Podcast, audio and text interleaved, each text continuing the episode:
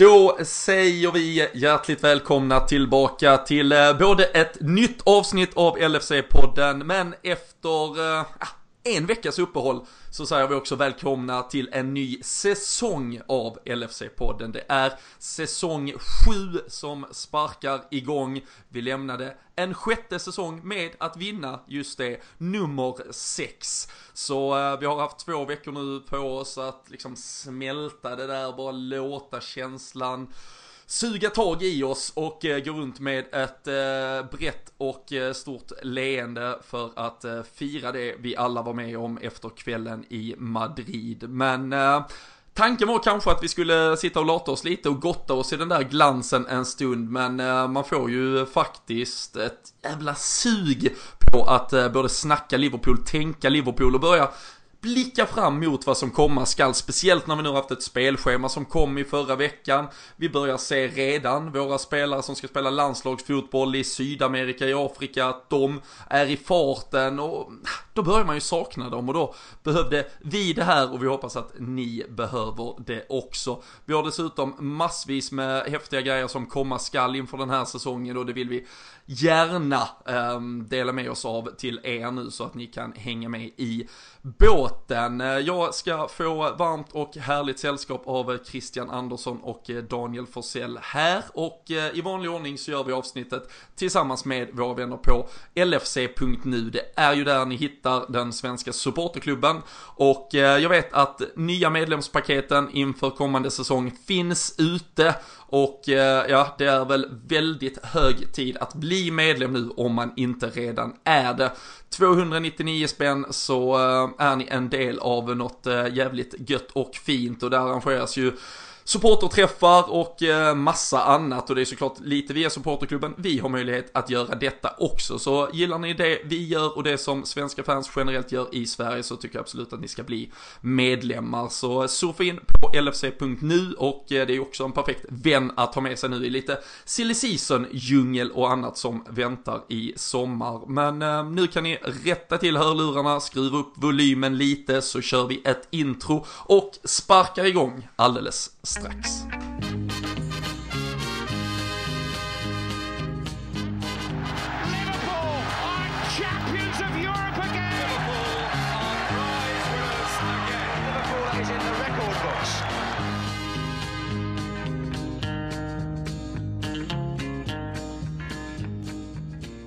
Jajamensan! Eh, fin eh, besök eh, som förklarat och avslöjat tidigare i form av Christian Andersson och Daniel Forsell och Säsong 7 Dan, du som är en serienörd, har du några serier du har klämt sju säsonger av? Ja men det har man nog tyvärr får man väl säga. Det är väldigt mycket tid som, som har lagts på de som väl har kommit till sju säsonger i så fall. Men här i poddsammanhang är det givetvis väl investerade ja, sex säsonger än så länge då. Och eh, lite som du nämnde i introt så kunde vi väl inte riktigt hålla oss borta från att sparka igång den här sjunde säsongen. Kanske lite tidigare än vad vi, vi själva faktiskt hade tänkt. Ja, det får väl räkna. Vi får väl kalla det lite försäsong, men vi liksom bygger in det i den officiella sjuan. Någon form av trailer här inför vad som eh, komma skall. Eh, sen får vi väl se om säsong åtta blir ett lika stort fiasko som Game of Thrones, men det får ju alla vänta på att se. Um, Christian, är du en uh, serienörd?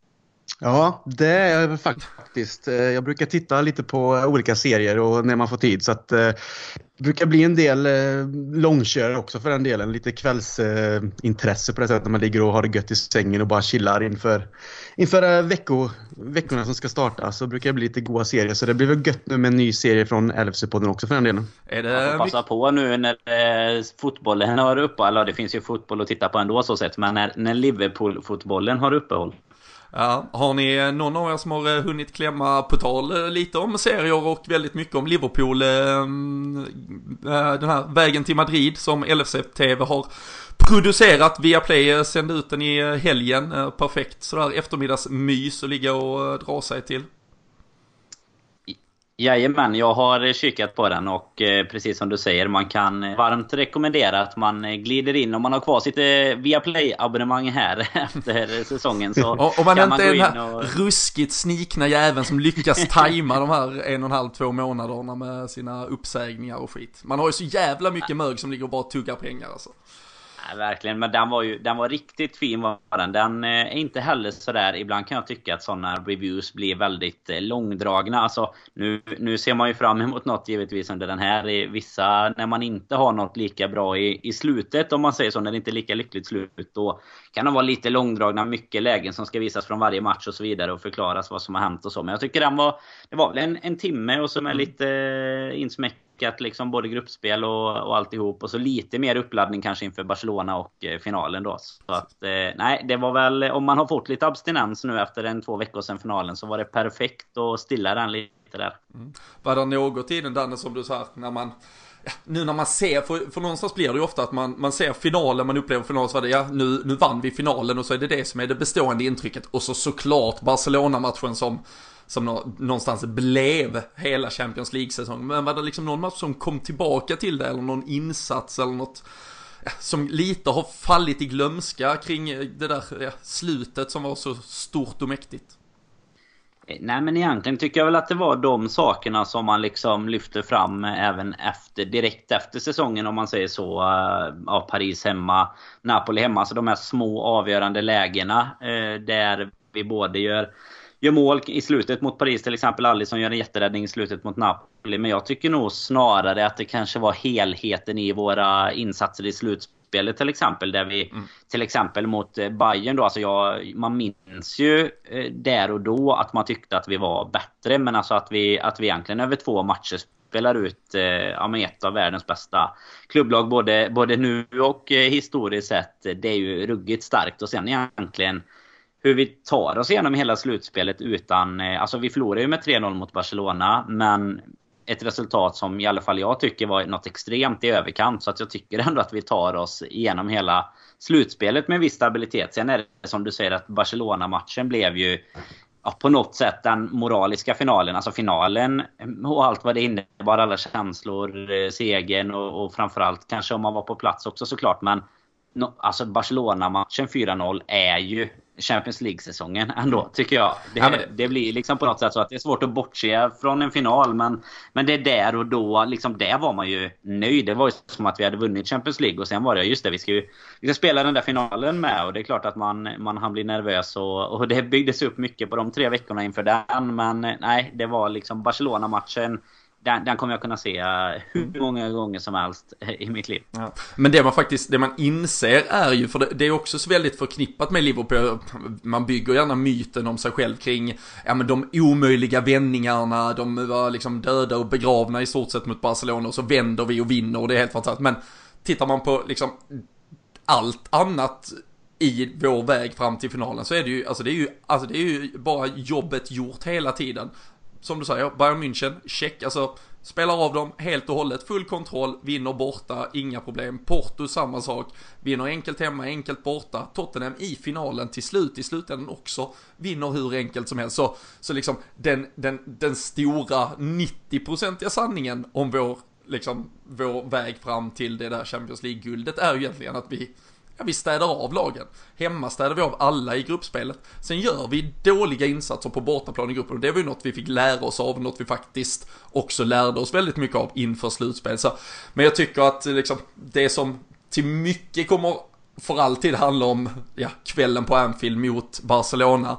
Någonstans också ska man kanske ta med sig att vi, vi ja, vi, vi hade kanske förtjänat den just denna gången av att vi hade gjort så otroligt mycket rätt hela vägen fram tills dess. Det var inte så att vi vände säsongen ja, helt upp och ner genom den insatsen och att allt annat egentligen hade gjort att vi inte förtjänade platsen där utan Nej, vi, eh, vilken jävla säsong det var och eh, vilken väg det var fram till eh, finalen i Madrid och till att Jordan Henderson, som dessutom fyller år idag när vi sitter och spelar in detta, fick lyfta pokalen. Så grattis på 29-årsdagen till kapten Jordan Henderson också. Ehm, Krille, annars som sagt lite drygt nu två veckors distans till det där eh, sjätte guldet i eh, Europas eh, finaste sammanhang. Har du gått och liksom bara tryckt så här rub it in på varenda människa du har gått förbi på stan och överallt sen, sen dess eller? Lite så. Man har ju varit lite så här tillbakatryckt som Liverpool-supporter i många år också. Så att nu finns det kanske en del som man gillar att ge tillbaka på kanske och verkligen visa att haha, här står vi med en sjätte Champions League-titel liksom och det finns vissa klubbar som kanske inte kommer få spela i den turneringen och så vidare nästa säsong. Som jag har lite bekanta äh, vänner som som håller på det laget och så vidare. Så att, men inte, inte för mycket. Inte, inte på det sättet att jag gillar kanske att gå omkring och vara, vara just den, den typen av supporter. Men givetvis går man fortfarande omkring och är glad och man, man diskuterar gärna Liverpool och eh, såklart eh, framhäver att vi, vi tog den sjätte titeln också när man träffar folk. Men ja, jag är bli, fortfarande skulle, glad. Och... Vi skulle ju bli så jävla oumbärliga. Det hade ju alla räknat ja, ut jo. på förhand.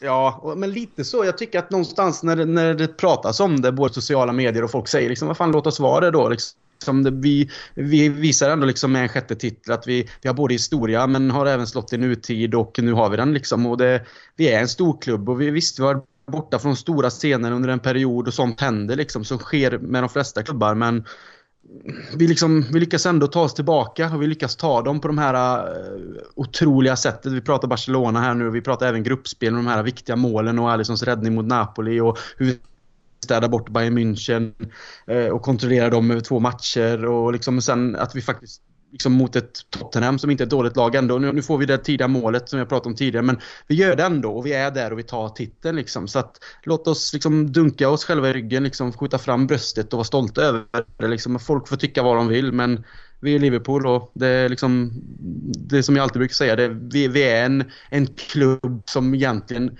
på något sätt har vissa nivåer högre i många sammanhang när det kommer till supportrar, känslor, historia och, och den här gemenskapen mellan spelare eh, och fans med den tränare vi har. Så vi, bara det här liksom att de står och sjunger Never Walk Alone efter Barcelona-matchen och även finalen. Liksom, man ser glädjen i allas ögon. Man märker ju hur de här banden har knyts samman under de här åren med Klopp. Och det är bara att låta oss njuta och få alla andra tycka vad fan de vill, känner jag. Det är ju en så sjuk diskussion med egentligen. Alltså det här med, som du nämner Robin, med att vi skulle vara så jäkla oumbärliga efteråt. Och det var ju en sån en rädsla för det liksom, både i ligan och Champions League. Men det har väl någon, alltså bottnade väl i att de fansen har kunnat eh, hacka på Liverpool-supportrar för att vi inte vinner någonting. Och nu är den möjligheten borta. Jag menar, vilket lag som än vinner Champions League ska ju få gottas i det hur länge man vill egentligen. Alltså vi, vi ska ju till finalen nästa år bara kunna gå och trycka upp en bild på Origi som käkar guldmedalj i ansiktet på vem som helst och bara njuta. Det är ju det, det, är det man, ja, men det är det man är så Och, och problemet... Jag, jag, jag inte njuta när vi väl vinner liksom. Nej, och jag tror ju ingen... Alltså, jag, jag, tror inte folk egentligen har menat att Liverpool-supportrar skulle vara värre än någon annan. Problemet är att vi är fler och då blir det ju liksom... Alltså, det är ju som, har, har, du en i mm. skolan som är eh, kaxig för att han har ett par eh, nya dojor så kan man ju skita i honom. Men om plötsligt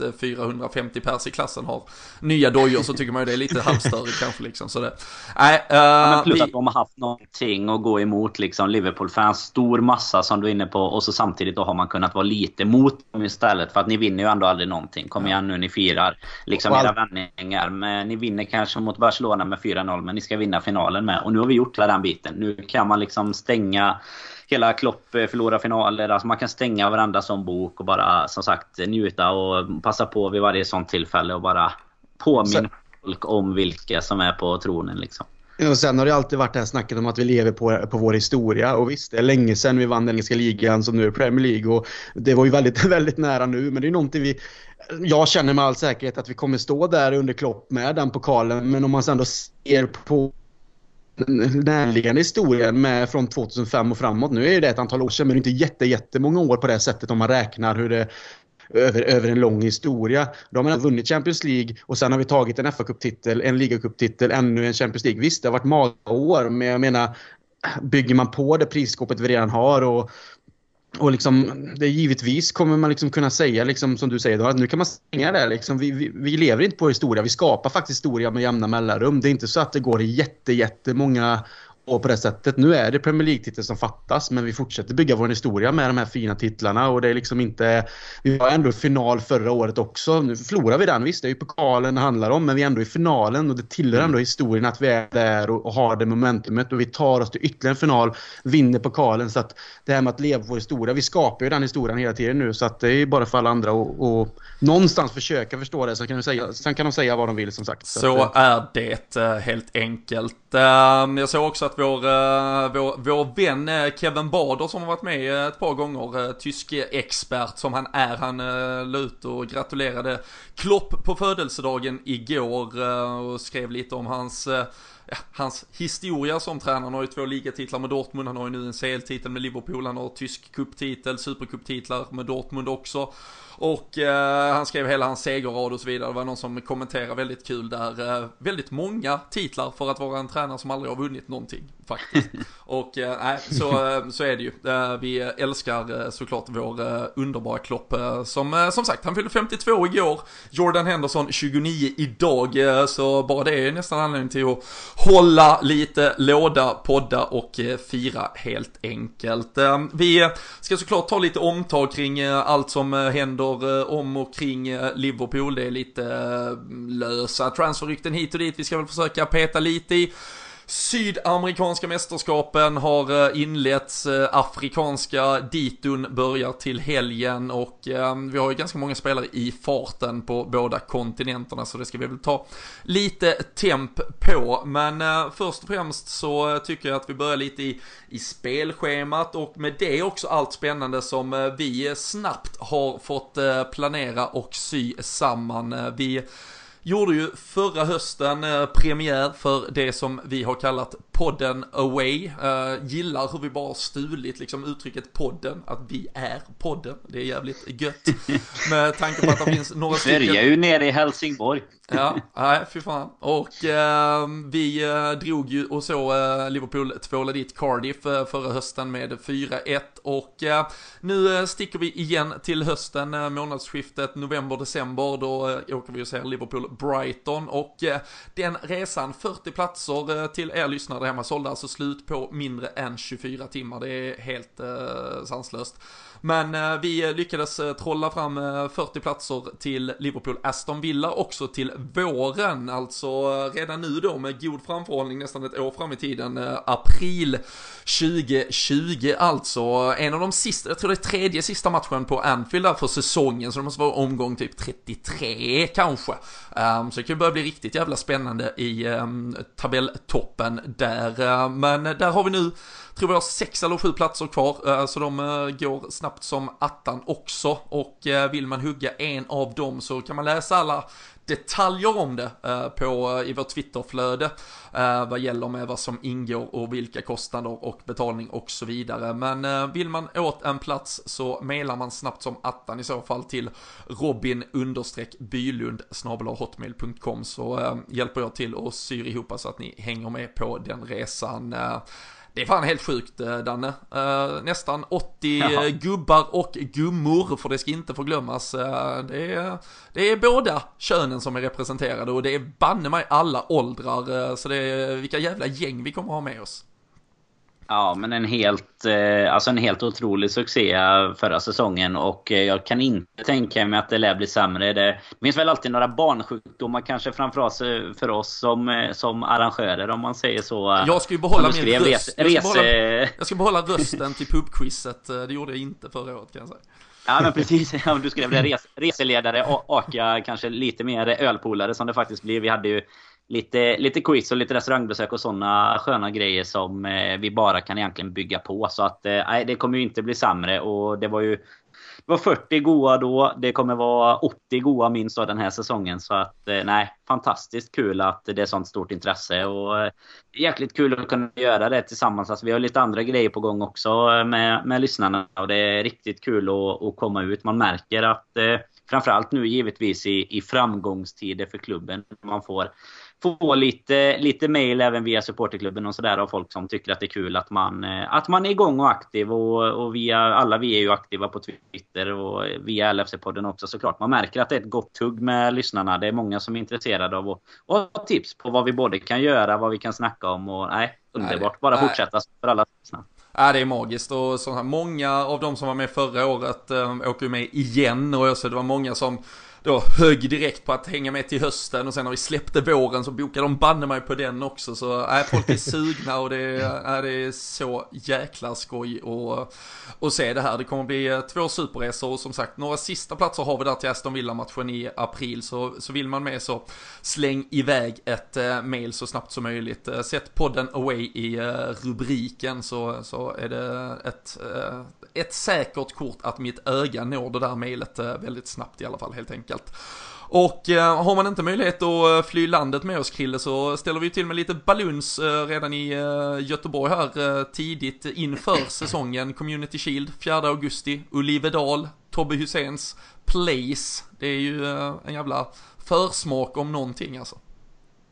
Ja, det blir riktigt kul faktiskt. Eh, podden som samlas nere i Göteborg för den här eh, sköna uppladdningen inför Premier League-säsongen. Och det blir ju som sagt förhoppningsvis ett gott gäng som eh, samlas på Olivedal och vi är ju där och kör livepodd och det är ju säkert supergod mat och god dryck och härligt, härligt häng helt enkelt. Så att vill man med på det så ska man liksom bara ta sig in på rividal.se är det va? Och boka bord där så är man klar för att kunna vara med. Jag vet inte om vi har koll på hur många som kommit in, men intresset har ändå visat sig vara rätt så starkt där också. Så jag, ja, men det, jag vet att ungefär hälften av platserna har gått åt och mm. jag, jag vet att Tutto Balutto, eh, Sveriges största sportpodd som de så härligt eh, skryter med och det ska de göra med den äran, eh, de gör ett jävla fint jobb. Men de var där förra veckan och hade ungefär 150 pers. Det hade ju varit jävligt gött om vi tryckte dit Tutto och samlade mer Liverpoolare på Ulivedal. Så min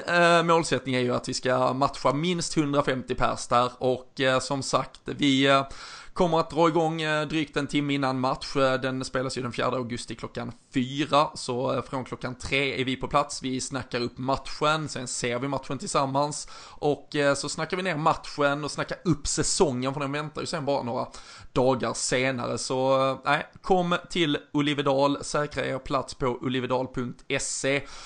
Så ser vi till att få ett jävla bra baluns där också.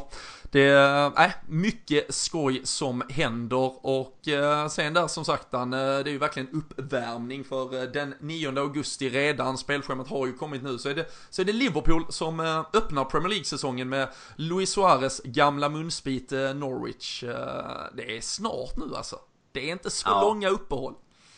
Nej, men sen är det ju också så att så fort eh, spelschemat kommer så börjar man ju ändå se eh, det framför sig om man säger så. Då har man fasta datum. Sen är det ju ändå en en liten, alltså jag har aldrig varit någon sån här Community Shield-fan. Nu höjer vi ju det på det bästa sättet vi kan göra såklart via Oliver Dahl. Men sen är det ju så att det är ju ändå något lite större, alltså när man väl är med i alla fall. Det blir någon sorts glorifierad träningsmatch liksom. Där, där vi ändå kan få chansen att lyfta någon sån här tallrik. Och så har vi premiären sen och sen har vi Supercupen eh, nere i Istanbul som kommer bara veckan på. Så att det, det händer mycket i början på säsongen. Men speciellt med en fredagsmatch. Eh, alltså det har det ju varit fredagspremiär premiär innan, men vi har väl inte varit i någon om inte jag minns helt eh, ja, knas. Mötte, jag tror vi spelade andra omgången mot Chelsea för typ två eller tre år sedan var fredag. Ja, precis.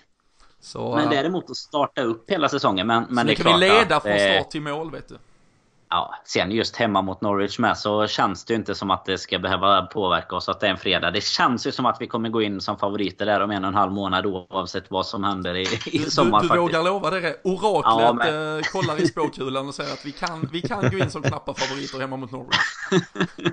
Det känns så. Ja, även, utan, även utan Suarez. Starka kort där. Um, du nämnde Supercupen, den spelas ju sen den 14 eh, då, veckan därpå. Så från Chelsea, och det är ju Chelsea vi möter, Europa League-vinnaren då mot Champions League-vinnaren. De möter ju däremot United på söndag eftermiddagen. De rasar mot att de får två dagars mindre vila inför den och så dessutom då eh, tuff eh, matchning. Eh, Krille, vad, hur tänker du här med, som sagt, det är en Premier League-säsong som snart drar igång. Det är ju den vi alla taggar till för. Men där finns ju ändå en, på tal om att vinna saker, Community Shield och Supercupen. Det kan ju vara, fan vi har en trippel på två månader om vi sätter dem också.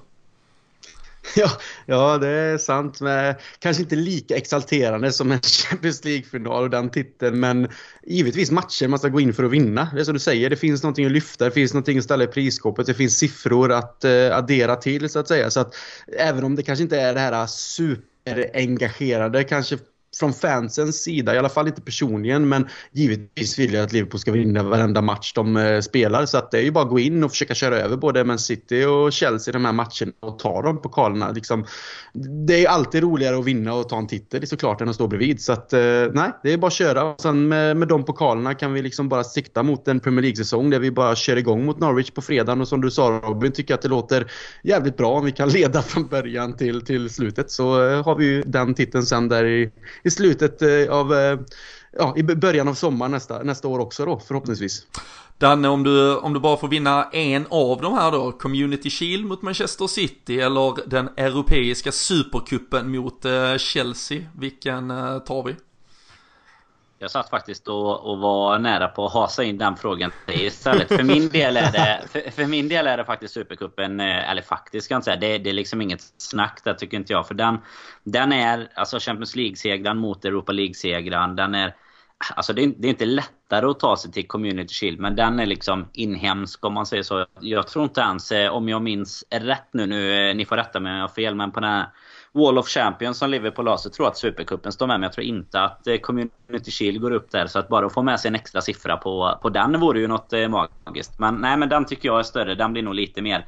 Eh, alltså, ja, den är lite större håskning tror jag i alla fall. Alltså, jag minns knappt eh, när vi spelade Supercupen efter Champions League. Eh, faktiskt sist. Alltså jag kommer inte ihåg att jag... Jag kollade ju antagligen på den men jag kommer knappt ihåg eh, Ja, vi har, vi, eh, att vi spelar den. Vi har vunnit, eh, och du har rätt i där, eh, Uefa Supercupen är med på The Champions Wall. Vi har vunnit tre stycken i tillägg då till att vi har åtta ligacupper, tre Uefa-cuper, sju FA-cuper, sex Champions League titlar och 18 ligatitlar. Så, så det blir ju mer jobb för folket som liksom knackar metallplattor på Melwood i alla fall. Så det, det, det gillar man ju att, att stödja. Men Krille, det hade varit rätt gött också att liksom få någon form av liten ja, upper hand på, på City redan inför säsongen känner jag ändå som ligger lite i en vågskål för jag håller med om den hierarkiska fördelningen på att Supercupen någonstans slår lite högre men att just för kanske markera lite mot City att vi vi är med er redan från början här. Alltså vi är nog lite bättre än er redan inför säsongen. Det hade ju inte varit helt jävla fel heller. Nej, jag är inne på samma spår. Att hellre skaka om City och ta en titel ifrån dem om man säger så. Nu när de ändå... Visst, vi vann ju Champions League och de vann Premier League. Men att ta den titeln i början av säsongen ifrån dem och visa att vi kommer vara med i år igen och vi kommer liksom inte någonstans göra det lätt för dem. Och sen är väl jag inne på det med mot Chelsea. Nu har ju de tappat tappat eh, Liverpool-dödaren om man ska kalla honom så, Hazard till Real Madrid och så får de väl inte värva heller för den delen som jag förstår det. Så att eh, kanske finns det ännu mer att kunna klå Chelsea nu när det blir kanske lite eh, omskakningar i den klubben också med en tränare som har lämnat och inga spelare in. Men ja, absolut. Kan vi skaka om City inför säsongen och liksom visa att vi är med direkt så det är liksom bara att tacka och ta emot och det vore jätteskönt att göra det för att eh, ja, vi gillar ju inte City. man, man, man, hade ju, man hade ju gillat här nu, alltså vi, vi har vunnit eh, den här Charity Shield som numera då är Community Shield. Vi har vunnit den 15 gånger av de 21 vi har spelat den, så vi ofta faktiskt vi, vi, vi tar den. Uh, men om vi då när vi tar nummer 16 nu mot City bara bygger om hela jävla väggen och knackar upp 16 Community Shield jävlar på den också. Det, uh, då hade de fått sig, de där oumbärliga Liverpool-fansen serverade på på silverfat. Um, annars som sagt, eh, Norwich eh, sparkar igång säsongen hemma. Danne där den 9 augusti. Andra matchen på Anfield är ju Arsenal, så då är första gången det ska lite, kännas lite blodstänk sådär. Um, har du gjort några andra analyser av det spelschema som väntar oss ehm, uh, än det är självklart att det faktiskt ser ut ungefär som det brukar med en ganska jämn fördelning av sådär höst-vårmatcher mot topplagen, eh, det ska ju gärna vara lite utspritt och inte på de här eh, typ Boxing Day och eh, julhelger och annat smått och gott och i början och slutet och så vidare. Ja men precis, det är väl den reflektionen som är den första man gör nästan. Att man inser att vi ska möta Chelsea igen i, i slutet på hemmaplan. Det är liksom... Det är bara en eh, copy-paste från eh, föregående hundra år känns det som. Men eh, det är väl inte riktigt så långt. Men, nej, men jag, jag har väl inga andra stora...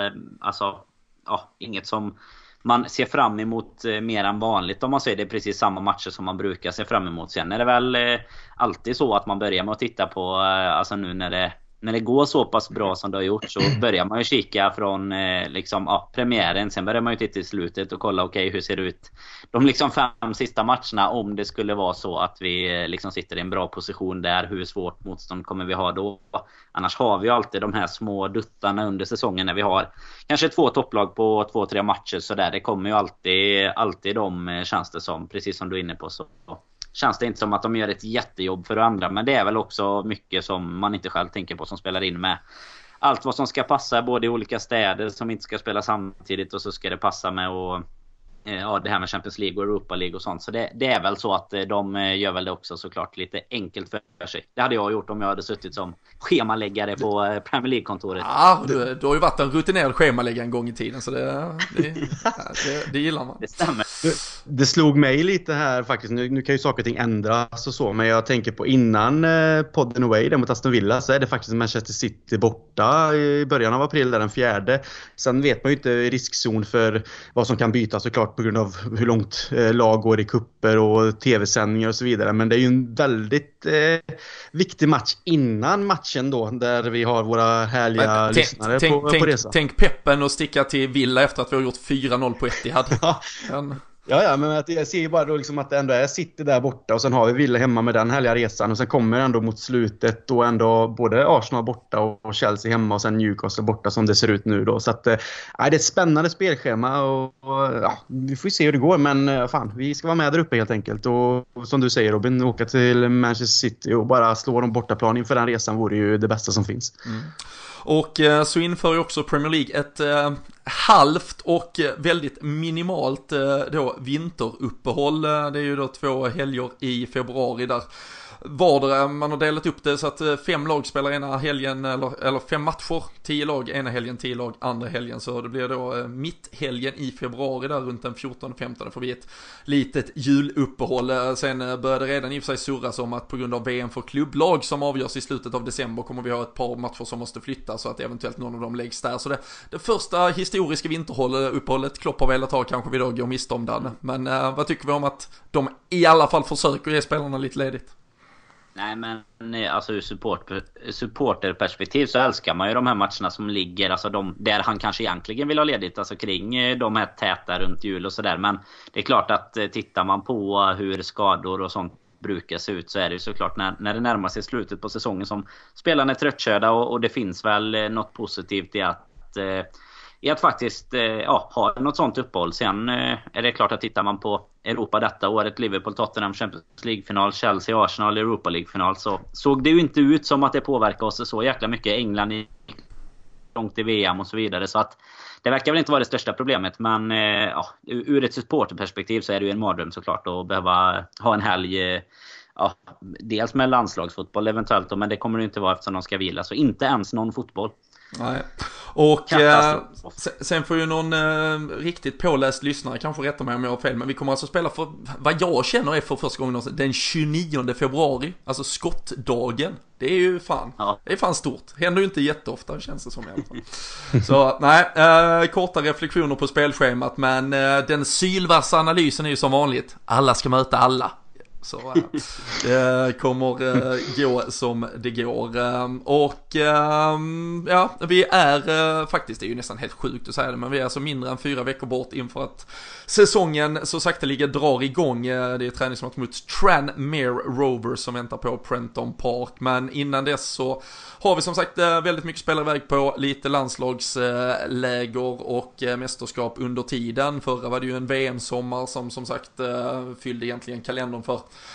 ja, större delen av truppen. Eh, nu är det i Sydamerika då eh, framförallt eh, ja, Roberto Firmino och Alisson som representerar Brasilien. Fabinho blev ju inte uttagen i den där truppen och det kan man väl egentligen bara tacka och ta emot för även om man verkligen kan tycka att han hade förtjänat platsen där och sen som sagt så drar ju då Afrikanska mästerskapen snart igång också till helgen. Såg ni förresten Mohamed Salahs ja, slalomshow med målvakten krälande runt sig innan han satte den i stolpen och la upp den i öppet mål till sin lagkamrat här i träningsmatchen här om natten? Jag såg att han snurrade förbi på Twitter. Det, det var en... Eh, vad var det det stod? Det, en, he ends careers. En, ending careers since uh, ja. någonting. Ja.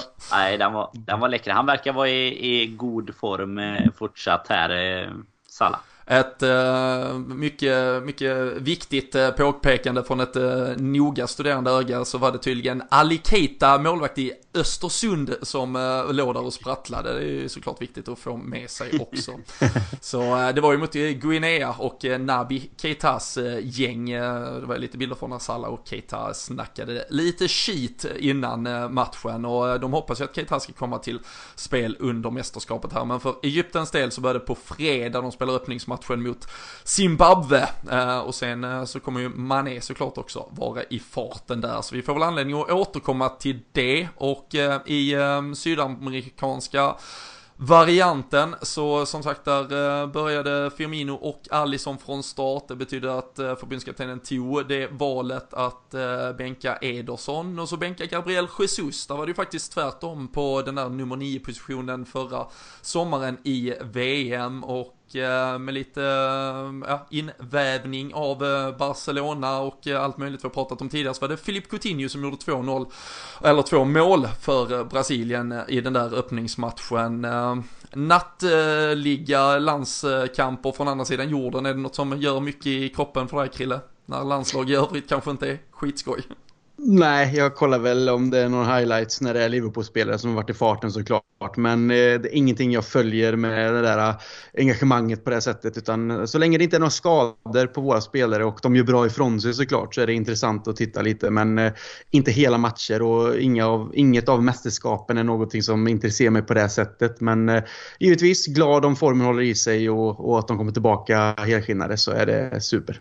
Ja, man håller väl mest koll på just eh, det där så att de inte har gått ut med någon skada helt enkelt. Ehm, det är ju verkligen ja, det som eh, i slutändan betyder något. Sen är det alltid bra för spelare tror jag när de är iväg och, och presterar och får det med sig i bagaget. Men eh, det handlar ju också om en balans och vi vet att det redan har varit många matcher. Det var ett kort uppehåll på grund av VM senast och det kommer vara en extra lång säsong, eh, i alla fall sett till eh, antalet matcher med tanke på att det spelas då de här extra eh, låtsascupfinalerna och sen VM för klubblag som blev av trots allt. Det var ju lite, ja, de, det tvistades länge men det blir ett par dagar i Qatar där det ska avgöras. Liverpool går ju rakt in i semifinal där och det kommer spelas då i mitten, slutet av december. Så det ska också in i schemat helt enkelt. På andra sidan jord jordklotet så eh, tog ju också kanske säsongens, eh, eller sommarens då, hittills roligaste rykte fart när eh, Kylian Mbappé eh, sågs fotograferas med LeBron James. Eh, sen hade han tydligen börjat följa Mohamed Salah på Instagram också. Det, är liksom, det krävs inte mycket nu Danne för att placera kanske hela världens hetaste talang i Liverpool, men eh, det gillar man.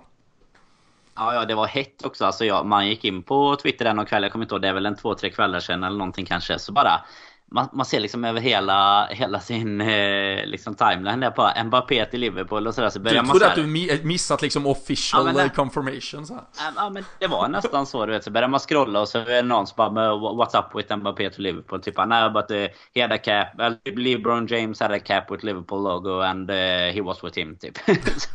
man, det... man känner lite som du säger, det krävs inte mycket men det är väl också det som är, alltså det är rätt skoj alltså när det, när det ändå inte händer någonting eh, om man säger så fort fotbollsmässigt så, så är det ju rätt kul att man kan bygga upp det av något sånt. Eh, ja, ja, precis. Det, det, det ska jag säga, LeBron, han har ju då en, Ja, han har, alltså, han har ju en 2% ägarandel precis. i Liverpool via sitt uh, investmentbolag då också. Så det, det, var väl, om man tar den, den rent då ändå, där fanns ju en koppling att göra något av i alla fall. Uh, sen var han ju och kastade baseball på Dodger Stadium och lite annat efteråt också, Mbappé. Så vi kan ju hitta 78 klubbar i, i hela världen han ska till om vi baserar det på hur han spenderar sin eh, semester här. Um, vad tycker du om eh, uh, sillisurret Krille? Um, är det ändå en liten uh, skön, uh, liksom ett skönt surr att ha där bak så att det inte går helt liksom uh, i det tysta här en månad? Det är väl skönt med diverse rykten hit och dit och lite att läsa. Men jag är ju inte den som direkt heller följer det jättestarkt. Utan det är ju när någonting och Alltså när, när de här lite mer, ska man kalla det, mer säkra källorna börjar att eh, någonstans rulla fram dem en efter en, de här ryktena, eller liksom att det börjar hända någonting. Då, då brukar jag liksom hänga på. Men eh, allt annat, likt det här med Mbappé och sånt, det, det, är klart man läser lite och skrattar åt det och så får man ju någonstans se vad som händer i framtiden överhuvudtaget med vem som helst, vilken spelare vi skulle nu gå efter. så. Men silly season brukar jag ändå hålla lite avstånd till just för att det blir så jäkla mycket rykten. Men eh, som sagt, när de mer säkra källorna och de här in, in, in, inbitna journalisterna som har koll, liksom, som är lite mer inne i det, som brukar eh, rapportera när det brukar hända någonting, då, då brukar jag följa på, eh, på det tåget och hänga på för att se vad som verkligen sker. Och annars så blir det rätt så, så lugnt faktiskt för min del när det gäller det. Mm. Om, eh, om vi går till något som eh, kanske eh, i då en väldigt tyst silly season-period för just Liverpools del har varit det som kanske ändå har kommit närmst att faktiskt nå igenom någon form av halvseriöst brus så är det ju på utfronten och det är ju uppgifter som gör gällande att Milan är intresserade av Dejan Lovren. De ska i alla fall ha han som ett alternativ och de uppges vara beredda att lägga någonstans mellan 20 och 25 miljoner euro eller eh, pund, eh, därom tvistar de lärde väl fortfarande. Men ehm, eh, till, utan att egentligen gå in på varken detaljer om det är så sant eller falskt, eh, där Krille, vad tänker vi om? Det ligger drygt 250 miljoner på bordet för Dejan Lovren. Är det dags att ehm, ta de pengarna och klippa banden?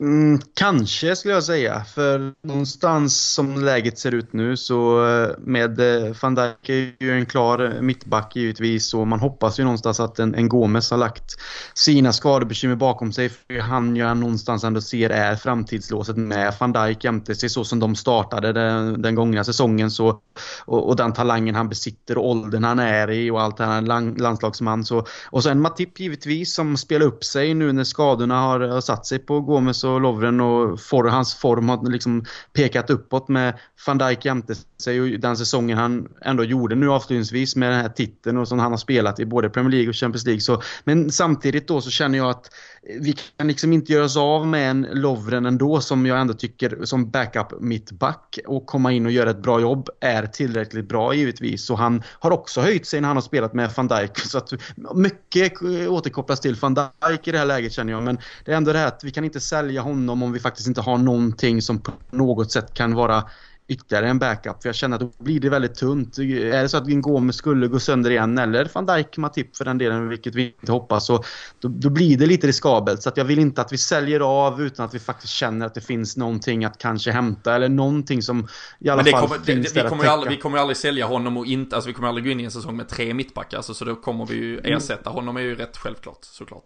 Ja, ja, men därför känner jag någonstans att liksom att det finns ingen anledning att sälja om vi inte... Om, rykten har väl, det har ju varit lite om det likt och allt det här men det finns ju många klubbar som är ute efter honom och det pratas ju med liksom om eh, lönen med PSG till exempel och ja, det, det, kommer och... florera så mycket hit och dit men just att det finns ingen anledning att sälja Lovren någonstans egentligen som det ser ut nu. Om det inte är så att han själv skulle vilja gå, vi måste i så fall gå efter mittback. Men eh, det är liksom, nej, ingen mittback behöver lämna överhuvudtaget innan det i så fall skulle vara klart att vi faktiskt går efter mittback. Vilket känns lite mer otroligt enligt mig jämfört med kanske lite mer offensiva alternativ när det gäller mittfältet då.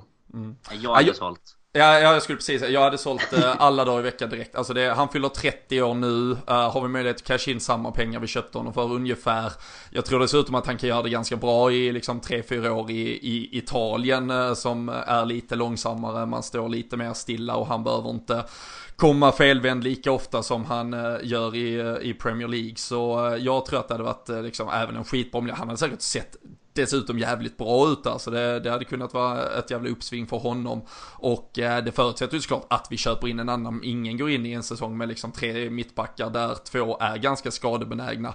Men jag tror att eh, skulle vi landa ungefär 250 miljoner så, så är jag rätt säker på att just ett fjärde eh, alternativ löser vi för de pengarna och troligtvis en yngre spelare som dessutom kan stå på lite tillväxt i, i den miljön som är bra. Så eh, ja, jag hade gärna eh, sålt, eller bara tittar man bara i Premier League så finns det ju en uh, Toby Alderweireld som har en utköpsklausul på ungefär samma pengar. Sen vet jag inte alls om det skulle vara ett aktuellt alternativ att kunna knycka honom från Tottenham, men det har ju ryktats om att han skulle kunna gå till Manchester United, så varför skulle han inte kunna gå till ett Liverpool i så fall? Men där finns ju många andra alternativ också, så hade vi fått de pengarna hade jag sålt och det lät som eh, du var inne på samma Danne.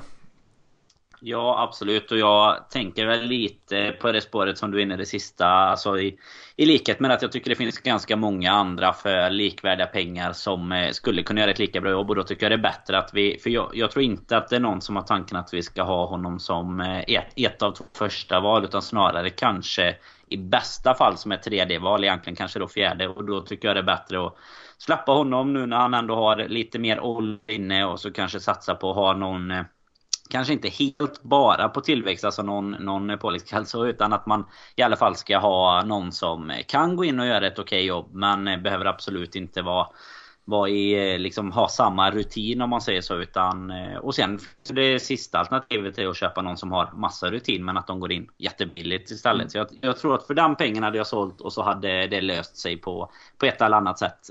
Eh, tycker jag. Det finns också någonting i det här med att Alltså nu har han såklart varit med och, och vunnit Champions League och sådär. Det ska man inte ta ifrån honom. Men lite och, och liksom inte bara jobba vidare med precis samma material utan eh, ibland kan det behövas lite förändring där också även om man har, har vunnit den finaste av titlar. Och det är väl det som gör att silly nu inte blir kanske lika spännande i och med att vi sitter med en, en så bra trupp. Det var ju skitspännande när man satt med en kast trupp och blev liksom exalterad över Milan Jovanovic eh, på Youtube och sådär. Så att nu, nu är det väl lite mer vad som du säger, alltså det finns ingen risk att vi säljer en sån spelare utan att vi faktiskt kommer lösa en ersättare. Det känns ju som att det gjorde det ju förr. Då kunde vi kanske inte få in ett fullgott alternativ. Men nu hade jag inte varit särskilt orolig om jag, om jag fick upp en confirm på att eh, Lovren till Milan var klar. Vi, vi säljer Lovren och tar in en Krigiakos? Ja men det hade det är, man är, man, man, man för två miljoner eller något. Ja, man är ju aldrig sen på att ha Kyrgiakos i laget alltså. Det är Klavan och Kyrgiakos. Ja, det är, det är magiskt. Eh, fan man har inte hört mycket om Klavans liv på Sardinien sen han drog till Cagliari. Det känns, luktar maffia på honom nu. Eller paraply. Paraplydrink. Ja, paraply. Ruskig, ruskig drinkkille. Det var efter att han satt med Kalle på San Carlo. Så, så han klar. Ja, ja. Nej, det är eh, fantastiskt. Eh, annars är det väl egentligen ett, eh, ska vi säga, ett inhouse-rykte mest. Och det är ju Harry Wilson som var på lån till Derby under säsongen. Och nu är väl egentligen snacket mest, det är liksom, man vet ju knappt om man ska säga han som en försäljning eller ett nyförvärv eller liksom allt där mitt emellan stannar han och faktiskt kliver in i en trupp så kan det bli hur spännande som helst. Annars är det ju också potential Danne att sälja för ungefär samma pengar det pratas om runt 250 miljoner eh, för en spelare som vi då egentligen bara haft på tillväxt, utvecklat, eh, han har blivit eh, landslagsspelare för Wales, han gör en såklart helt fantastisk säsong i Derby, men någonstans så blir det ju här den eh, matematiska ekvationen som ska gå ihop där man kanske ska, ja, genom en sån här försäljning så har man finansierat eh, fem år till av eh, liksom talangutveckling mm. och kanske kan skrapa efter den riktiga diamanten bland kolbitarna. Så är det ju. Det sentimentala i en vill ju såklart gärna ha kvar Wilson och, och, se honom göra en fantastisk resa nästa säsong. Men jag hade ju inte kanske tänkt att vi skulle liksom, ja vi värvar, vi går in och värvar från Derby och tar en av deras bästa spelare. Det hade ju liksom inte på förhand då om man ser till vart han var förra säsongen. Vart eh, ens första alternativ. Så att eh, du är väl inne på ett spår där man... Det, det, man vill ju egentligen inte eh, göra... Eller jag, jag är inte sån i alla fall att jag vill att vi...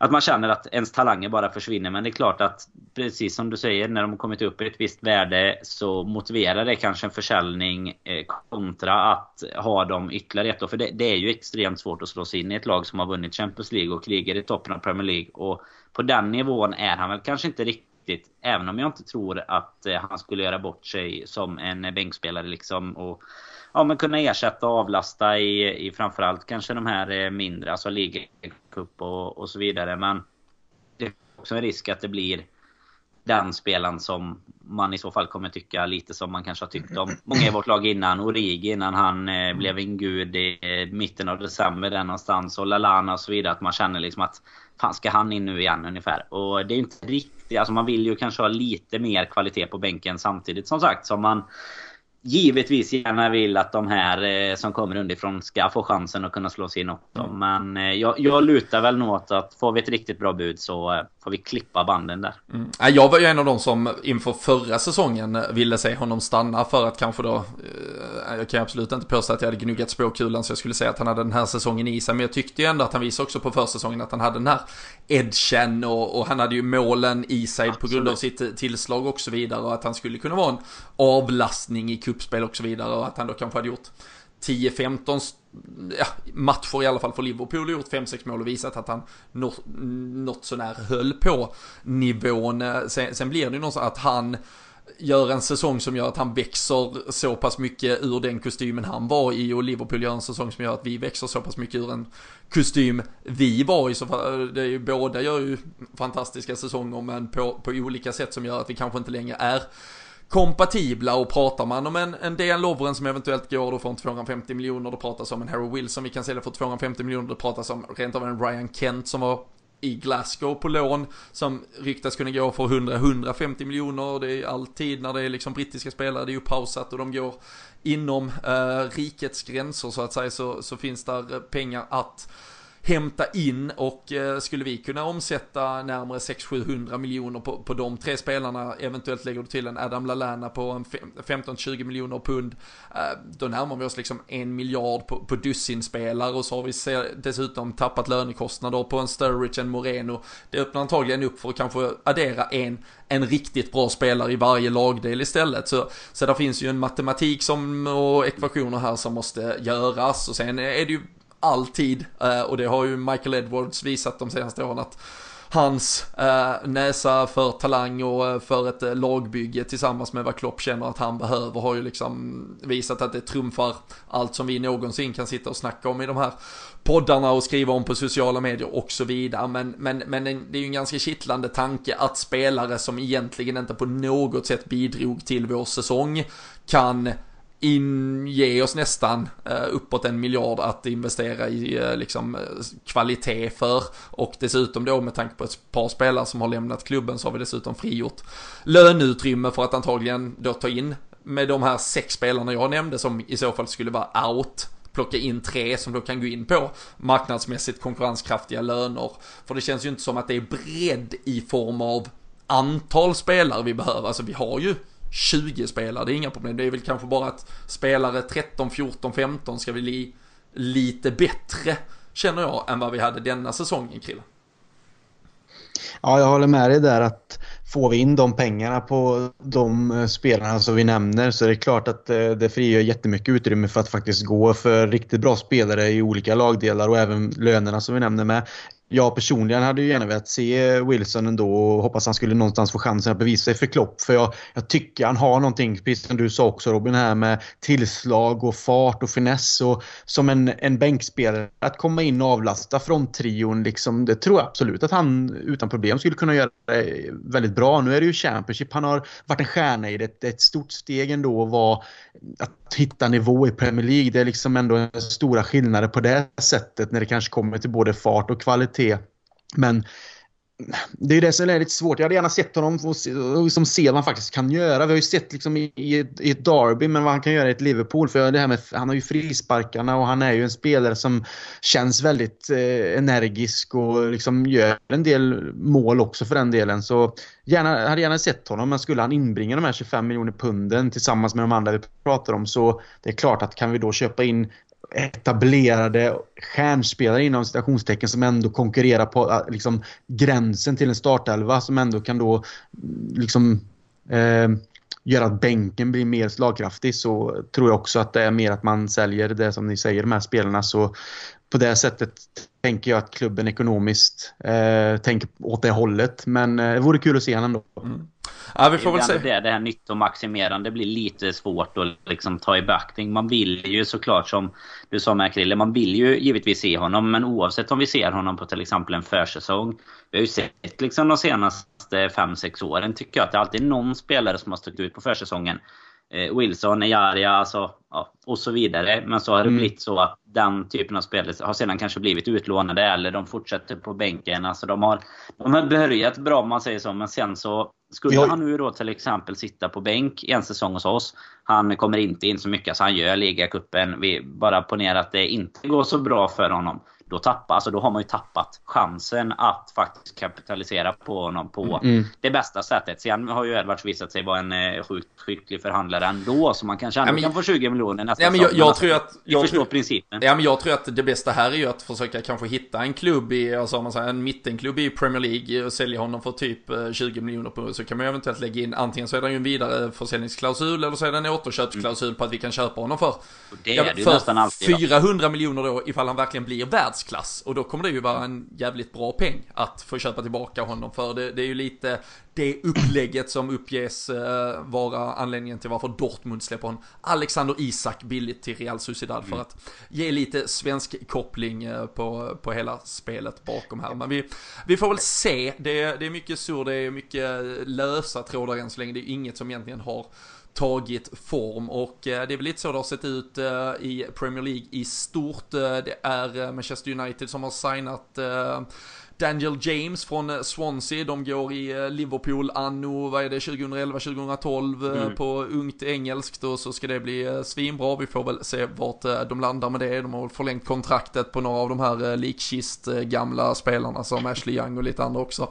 Och Chelsea som sagt då som har tappat både Eden Hazard och så Sarri, beroende på hur man nu eh, ser det. Det är väl eh, ganska tudelat vem som tycker att man har eh, bara äntligen blivit kvitt honom eller alternativt då tappat honom klar för Juventus och annars har det varit tyst både hos Tottenham, Manchester City och Arsenal. Det är bara Mesut Özil som har varit i, eh, med Erdogan och gift sig och eh, strött ännu mer salt på alla öppna sår kring vilken jävla tragisk människa han har blivit. Men eh, vi lämnar politiken åt eh, andra. Men eh, det, nej, det blåser fan inga eh, jättevarma vindar kring de här klubbarna som jagar bakom Danne. Man är ju inte livrädd, känns nästan lite kaxigt att säga, men man känner ju inte att United Arsenal har liksom de har ju inte något i sig som gör att man känner att de tuggar i sig 30 poäng på oss till nästa säsong direkt.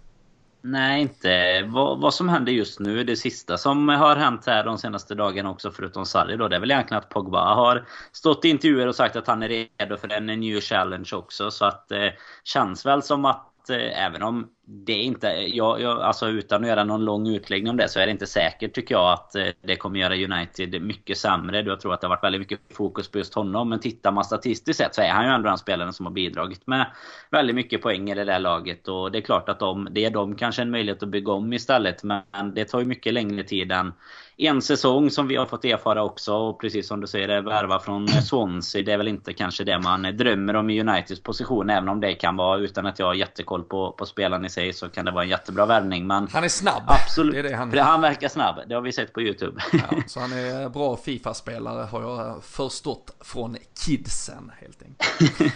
Men, ja, men det är väl så här i alla fall. Det är precis som du är inne på. Det känns ju inte som att det är någon som tar, tar kliv åt rätt håll. Jag menar att för Chelsea att tappa Hazard, det är ju mycket värre än eh, för United att tappa Pogba också. Och ja. med ett transferförbud dessutom så känns det som på förhand, nu kommer givetvis mycket hända eh, fram till säsongen börjar med, men på förhand känns det snarare som att vi och City utan att ha gjort någonting egentligen kanske har tagit ja, inte fem poäng till på våra 12, men kanske har ryckt fem poäng till i jämförelse med dem nästan. Mm. Det är lite så här two man race tidigare på säsongen. Men det är som sagt mycket kommer hända och Bollen ska sparkas också dessutom. Jajamän, det är 11 mot 11 och det ska göras upp över 33, 38 omgångar. Bollen är rund. Bollen är rund, ja fy fan, det är, det är, ni hör, det är högklassig analys eh, från LFC-podden så här. På avsnitt 1 av säsong 7, eh, en ny säsong är igång. Vi, eh, vi har redan snackat om allt roligt och häftigt som vi kommer att göra under säsongen. Och eftersom ni underbara lyssnare varit med oss eh, så här länge så eh, hoppas vi också att eh, ni kanske vill vara med oss liksom lite sådär ännu mer och se om vi kan göra det här ännu lite bättre.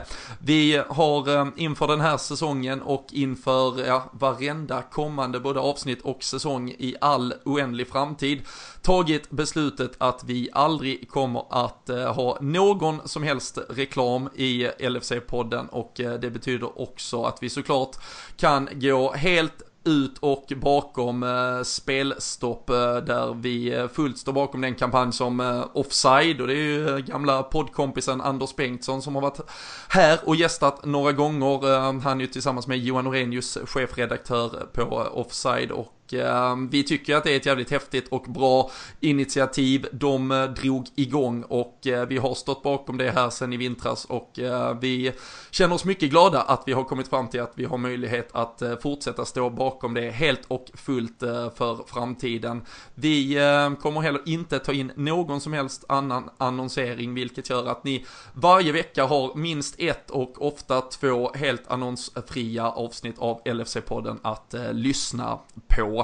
Men eh, eftersom vi sätter av väldigt mycket tid för att eh, få ihop det, vi eh, styr ihop eh, livepoddar, vi har supporterträffar runt om i Sverige och eh, vi kommer att göra de här resorna också. Så eh, hoppas vi att ni kanske ändå tycker att det är så jävla bra och kul med allt vi gör, att ni vill vara med och stötta med en pytte, pytte liten peng. Och eh, då har vi satt upp ett Patreon-konto. Och för den oinvigde i det så är det egentligen ett sätt att eh, månatligen donera en liten, liten slant till något, eh, man kan väl säga lite frilansande initiativ som man gärna står bakom. Och eh, vi hoppas ju att ni tycker att det vi på LFC-podden gör är bra och värt att stödja. Det är helt valfritt och det kommer inte ge liksom varken någon nackdel eller fördel om man hoppar på eller inte. Ehm, man eh, signar i så fall upp sig på Patreon, patreon.com slash LFC-podden och eh, det är eh, 2 dollar, eh, drygt en 20, en chipspåse och de ska ni ändå undvika nu här under sommaren för att hålla er eh, sjukt snygga och fräscha.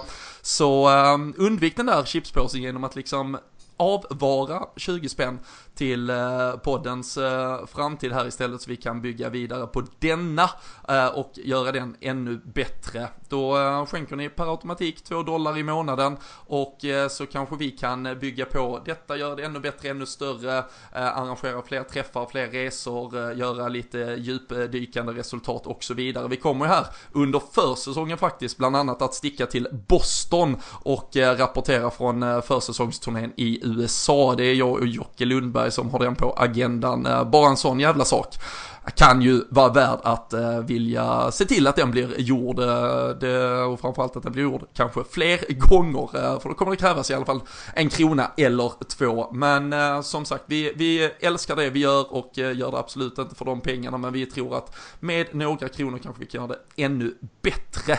Och eh, fortsätta göra resor och livepoddar och allt möjligt Krille. För det, det är ju fan, det roligaste är ju när vi liksom möter alla lyssnare där ute i stugorna helt enkelt.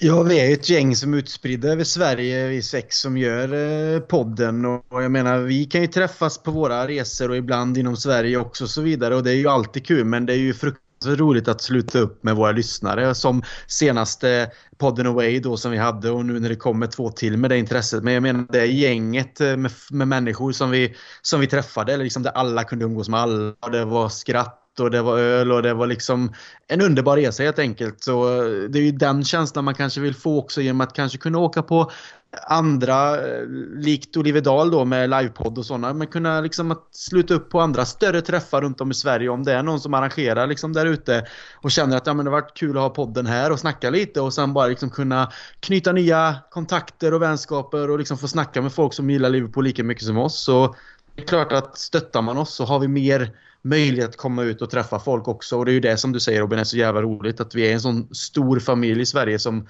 liksom supportar Liverpool, tycker om att träffas, ta en öl och bara liksom njuta. Och särskilt nu när det går så bra för Liverpool också för den delen. Så nej, hjälp oss gärna. Det är väldigt eh, tacksamt och vi tycker liksom att det här är någonting av det roligaste som finns. Så att vi, eh, vi är väldigt glada för all stöttning vi kan få. Jajamän. Eh, uh, Patreon.com slash LFC-podden alltså. Och uh, nej, med de orden eh, och uh, som sagt ta med er allt vi har nämnt sedan tidigare. 4 augusti så har vi Livepodd på Olivedal i Göteborg, eh, kolla Community Shield, ser Liverpool 2, dit Manchester City och eh, sen så har vi alltså två resor planerade under säsongen. Eh, höstens äventyr där vi ska se Brighton är fullbokat men det är ett par platser kvar till Liverpool Aston Villa.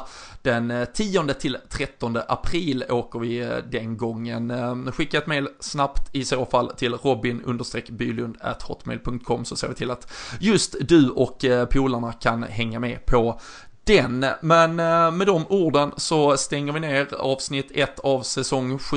Vi eh, lyckades eh, trolla till en timme och lite mer där till. Och äh, vi hoppas att ni, precis som vi, tycker det är gött att allt är igång igen. Så hörs vi snart igen.